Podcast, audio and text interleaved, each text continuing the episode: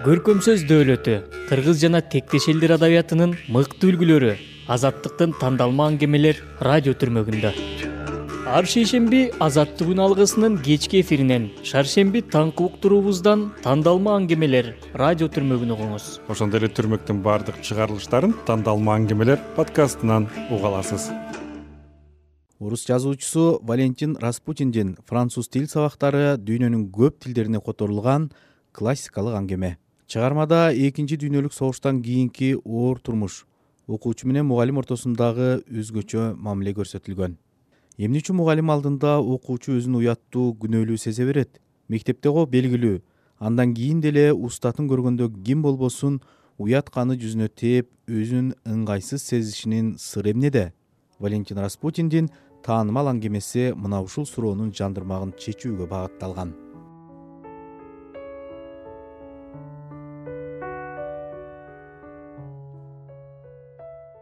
аңгеме лирикалык мендин баяндоосу аркылуу өтөт. Айылындагы башталгыч мектепти аяктап орто билимди район борборунан алууга келген баланын көргөн кыйынчылыгы кендирди кескен жетишпестик ачкалык сабакты мыкты билген таланттуу балага жардам берүүнү чечкен боорукер мугалимдин аракети мектеп жетекчисине жакпай кызматын таштап кетүүгө мажбур болот. Чыгармада сибирлик кедей үй бүлөнүн оор жашоо турмушу сүрөттөлгөн. Айылда башталгыч гана мектеп бар эле. Аны аяктагандар билим алууну токтотуп колхоздун жумушун кылып ошону менен бир келген өмүрдү өткөрүшчү. Бир гана баланын зээндүүлүгүн көрүп айылдаштары айтып апасы да билим алышы керектигин ойлоп элүү чакырым алыс рай борбор под камендеги сегиз жылдык мектепке окууга жөнөтүп атышпайбы. Согуштан кийинки оор мезгил каржалган эл эптеп күнүн көрүп баары ач калбоонун аргасын жасап жүргөн кез толгон кыйынчылыкка карабай апасы билимге зирек уулун он бир жашында мектеп окуусун улантууга жөнөттү. Колхоздун жалгыз полуторкасын айдаган ваня абасы аны болжошкон жерге жеткирип даалысынан таптады да өз ишине кетти. Чиедей үч баласын кантип багыштын амалын күндүр түндүр ойлогон апасы кол арага жарап калган уулун тамак аш менен камсыздап туруу милдетин алып рай борборго жөнөттү. Билим албаса болбойт азаптуу согуш аягына чыкканы менен элди ачкачылык тооруп айласы кууруган бир туугандар жегиси келгенде шилекейин жутуп аш тамакты эсинен чыгарып коюшка аракет кылышчу. Ансыз деле амеки тууганынын үч баласы бар экен. Аларга кошуп дагы бир тамак ичээрди чогуу отургузбай айылдан алып келген тамак ашын өзүнө даярдап өзүнчө бол деп бөлүп койду. Айылдан рай борбордогу сегиз жылдык мектепке келген бала сабакты жакшы окучу айылда кары картаңдарга келген кат кабарды окуп жооп жазып айылдык китепкананы жадыбалдай жаттап калган бала курбалдаштарынын алдына келгенде билгендерин кызыктуу кылып айтып берчү. Айрым жерлерин өз оюнан чыгарып кошуп койчу. Анысын тигилер байкашчу эмес. Баарынан да чал кемпирлерди кызыктырган согуш кезинде элдин баарына тараткан облигациялар эле. Утуш чыгып калса энтеңдеп баланы издеп калышчу айылдагы зыкым эсептелген илья деген кексе чал төрт жүз рубль акча утуп алганда сүйүнгөнүнөн бир чака картошка салып берген. Ал кезде мынчалык оокат кыйла жардам болчу. Жыбыраган облигация сандарынан адашпай окуган баланы баары жакшы көрүшчү. Апасына уулуңду окут мындан акылдуу бала чыгат дешчү. Апасы аябай оор болорун билип туруп ишенген баласын рай борборго окууга жөнөтүп атпайбы буга чейин айылынан бир да бирөө анчалык алыска барып окуй элек экен.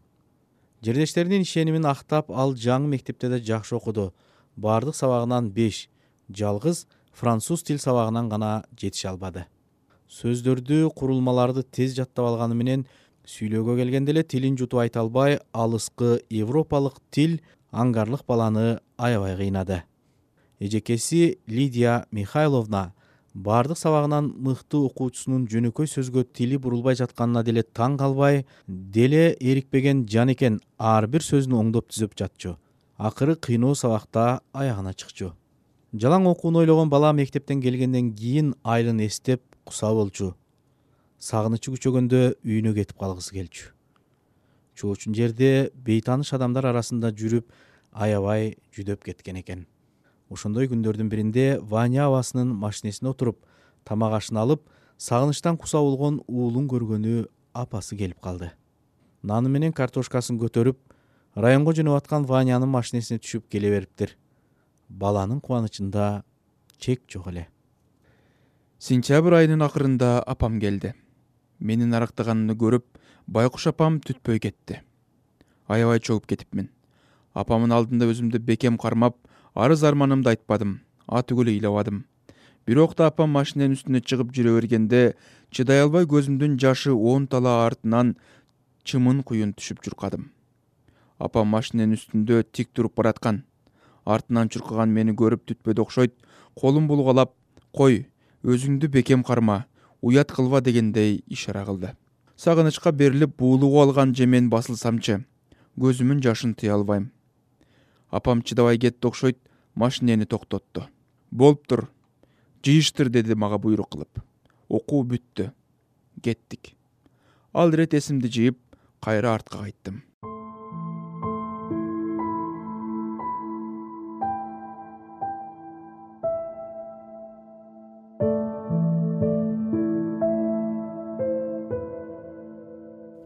Баланын сүлдөрү кетип арыктаганы айылдагы үйдү сагынгандан эле эмес эле ваня абасы район борбордогу эгин кампага буудай ташып келгенде апасы баласына тамак ашын маалынан кечиктирбей жөнөтүп турчу. Анысы нан менен картошка. Кээде кошуналардан сурап быштак жөнөтчү. Өзүндө уй болбосо кайдагы ак. Анан ошол бир жумага жетерлик азык эки күндөн кийин азайып калчу. Бала бекем катылган азыгын ким уурдаганын башында билбей жүрдү. Апасынан алысыраак тууган болуп кеткен надя тайэжеси уурдабайт байкушум үч баласын эптеп багыштын камында жанын жан куруп иштеп жүрөт. Айылдык алыс тууганын апасы келгенде эле айтып тамак ашын өзүнчө бөлүп койгон. Шек алганы федя. Бирок аны апасына айтпайт айтканда ал эмне кылмак? Айылда күн жылууда кара курсакты тойгузуунун толгон амал айласы бар. Картошка казып токойдон жей турган бирдеме терип балык кармап иши кылып ачка калбайсың. Бул жерде баарысы чоочун бир жолу бала сайдан балык кармайын деп чыгып кечке жүрүп иймейген үч балыкты тутуп келгенден кийин ал ишти да токтоткон. Апасы жөнөткөн тамак ашты жыяңы келгенде ынтыкканча тое жеп калганын бекем катчу болгон а федядан катыш кыйын таап алат. Ошол федька бир күнү чик ойногондорго ээрчитип барды. Тыйын коюп ойногон кызыктуу оюн экен. Баланын акчасы жок эле. Сырттан байкап карап турду. Оюн азгырыгы да жаман каның аз деп апасы нан менен кошо картошкага кошуп берген биртке тыйын жөнөтчү. Ошонун беш тыйынына жума сайын кичинекей базардан сүт сатып алып иччү сүткө деген тыйынды кошуп ойносо болорун ойлоп койду. Жаңы оюнда бала утаарына кадиксиз ишенип турду. Айылда курбалдаштары менен ойногон оюндардын баарында утушка ээ болчу. Бул иретте эле ийгилик аны жандап жүргөнүнө ишеними чоң болчу. Апасы жөнөткөн тыйындарды чогултуп ойносо болчудай апам үч ирет жөнөткөн беш тыйындарга сүт албай майдалатып алдым да оюн ойноочу таштан аянтка чуркадым. Бул өзү да жашырын оюнга дыкат тандалган жер болчу. Адыр жондор айланасын курчаган тайпаң сырт көздөн далдоо жер. Эгер биздин оюнубузду кыштактагылардын бирди жарым көрүп калса баарыбызды кубалап милиция мектеп директорун чакырам деп коркутмак. Бул жерде бизди эч ким көрбөйт. Жат көздөн далда жер. Анан да үйдөн анчалык алыс эмес чакырып калса келе коесуң. Биринчи ирет токсон тыйын кийинкисинде алтымыш тыйын сайдым. Албетте акчама ичим ачышты а бирок улам ойногон сайын колум көнө баштаганын туйдум жалпак ташты болжогон жерге ыргытыш үчүн канча күч керек болоорун билип калдым. Көз да каныгып таш кайсы жерге түшсө канча тоголонуп бараарын утушка жетиш үчүн кандай ыкма колдонуш керектигин ыргытылган таштын түшкөн жеринен канча тоголонуп бараарын алдын ала чамалашты үйрөндүм кечкурун аянтта эч ким калбай калган учурда оюн ойноочу жерге кайтып келип вадик жашырып кеткен ташты алып чөнтөгүмдөгү чакаларды чыгарып караңгы киргенче оюн ойнойм. Бара бара колум көнүп он жолу ыргыткан ташымдын үчөө төртөө тыйынга жетчү болду соңунда оюндан мен ута турган күн да келди.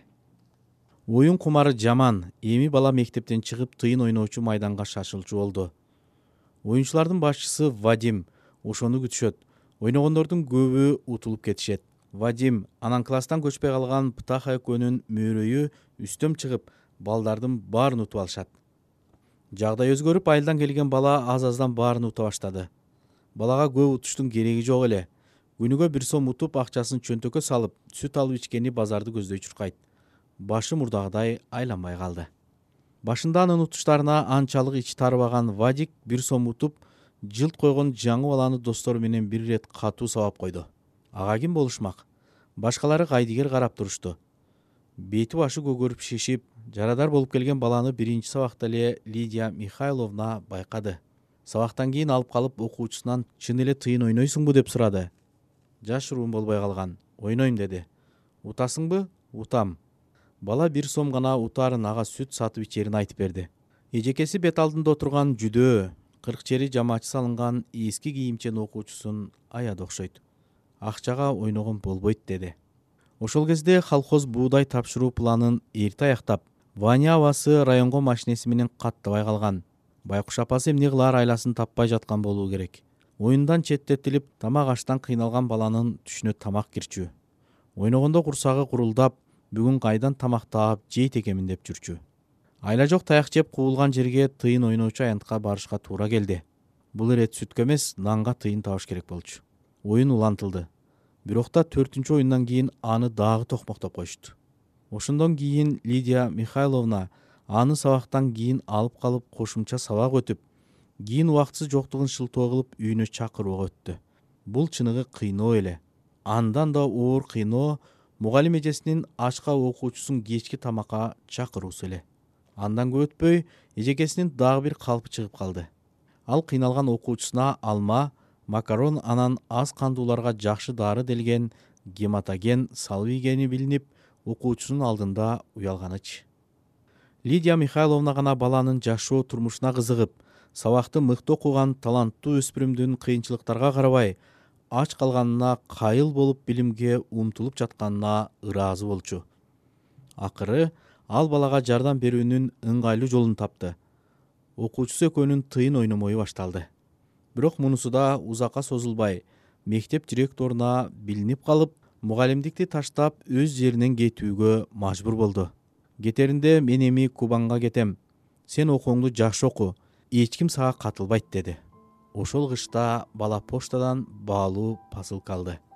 Посылканын ичинде иреттүү тизилген макарондор анан калың кагазга оролгон чоктой кызыл үч алма бар экен. Бала ага чейин алма жеген эмес эле башында мен алмаларды сүрөттөн гана көрчүмүн ушундай болот тура деп ойлодум валентин распутиндин бул кызыктуу аңгемеси бир миң тогуз жүз жетимиш үчүнчү жылы жарыяланган